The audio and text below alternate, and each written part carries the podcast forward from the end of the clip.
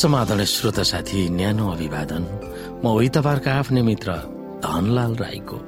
श्रोता साथी म आज तपाईँको बीचमा बाइबल सन्देश लिएर आएको छु। आजको बाइबल सन्देशको शीर्षक रहेको छ जीवित प्राणी।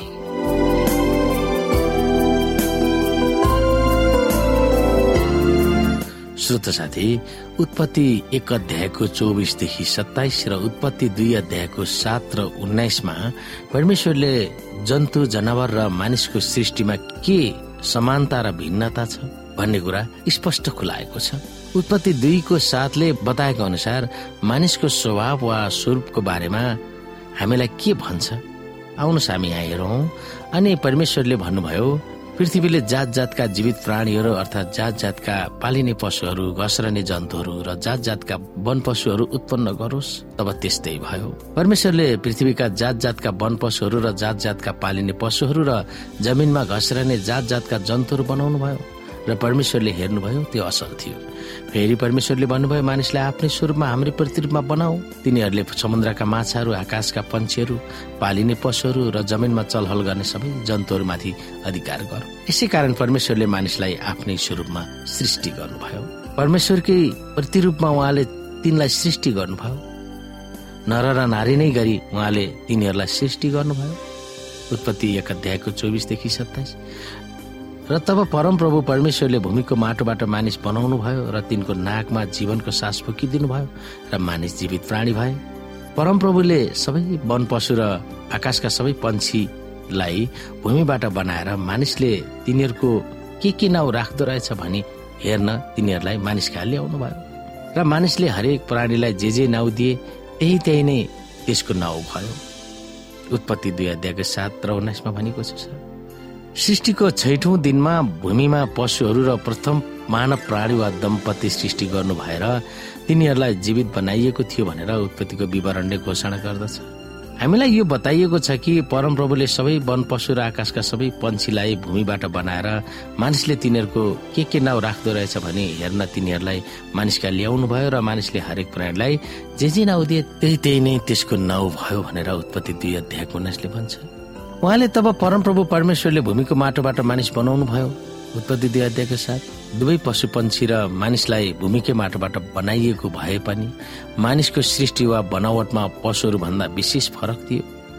पहिलो त उहाँले मानिसलाई आफ्नो स्वरूपमा आकार दिनुभयो र तिनको नाकमा जीवनको सास फुकिदिनु भयो र मानिस जीवित प्राणी भए। उनी जीवित हुनुभन्दा अघि नै शारीरिक तत्व थियो दोस्रोमा दुवै नर र नारी मानव प्राणी परमप्रभुकै स्वरूपमा वा त्यो परमप्रभुको प्रतिरूपमा बनाइएको थियो। आदमको भौतिक शरीरको नाकमा जीवनको सास फुकिदिँदा उनी जीवित प्राणीमा रूपान्तरण वा परिवर्तन भयो भनेर उत्पत्ति दुई अध्यायको साथले व्याख्या गर्दछ। हिब्रू भाषामा त्यसले नेफेस च्याया भनिन्छ। त्यसको अझ रस अर्थ यो हो जीवित प्राणी वा आत्मा हो। त्यसको अर्थ शरीर बिना हामी कुनैमा पनि प्राण वा आत्मा अलग भएर बस्दैन। बरु हामी प्रत्येक जीवित प्राणी हौ। मानिसको भौतिक शरीरबाट अलग भएर उसको आत्मा प्राण वंश वा चेतना बस्छ भन्ने शिक्षा बाइबलको आधारमा होइन। यो बाइबल भन्दा बाहिरको धर्म र दर्शनको धारणा हो। यदि हामीले मानवताको सही स्वभावलाई बुझ्न सक्यौं भने शरीर बिना आत्मा वा अंश घुमिरहन्छ भन्ने आधारमा रचिएको विभिन्न गलत धारणाहरूबाट हामी सुरक्षित हुन सक्छौँ। मानिसको व्यक्तिगत शरीरबाट अलग भएर उसको कुनै चेतनाको अस्तित्व हुँदैन। परमप्रभुले हामीलाई भयानक र अचम्मको तरिकाले सृष्टि गर्नुभएको थियो। मानिसको प्राण हंस र आत्माको बारेमा बाइबलले नसिकाएको वा पार शिक्षालाई अनेकौं अनुमान वा अड्कल गरेर छोप्न खोज्नुहुन्न। मानिसको जीवनको स्वभाव आफै रहस्यमय छ। कुनै पनि वैज्ञानिकहरूले जीवित हुनु भनेको के हो भन्ने चित्तबुद्ध भाषामा व्याख्या गर्न सक्दैन। त्यसको फलस्वरूप यस मामिलामा तिनीहरू बाजिएको हुन्छ भने मानिसको चेतनाको स्वभाव अझ धेरै रहस्यमय छ। हाम्रो एक किलो आधा भन्दा कम वजन भएको टाउकोमा मगज छ जसमा कोशिका र रासायनिक तत्वहरू छन्। अपदार्थ वा भौतिक तत्वले भावना सोच विचारलाई थाम्न र सिर्जना गर्न सक्छ र जो मानिसहरूले ती विषयको अध्ययन गर्छन् तिनीहरूले यो स्वीकार गर्दछन् कि त्यसको जवाफ हामीसँग छैन। अन्त्यमा श्रोता जीवन कस्तो आश्चर्यचकित छ? जीवनको उपहार मात्र होइन अनन्त जीवनको उपहार प्रति हामी किन खुसी र आनन्दित नहुने? अझ हाम्रो जीवनभन्दा अनन्त जीवनको उपहार त झन उदेकिलो र चमत्कारीय छ। त्यो कुरा हामीले सोच्नु पर्दछ।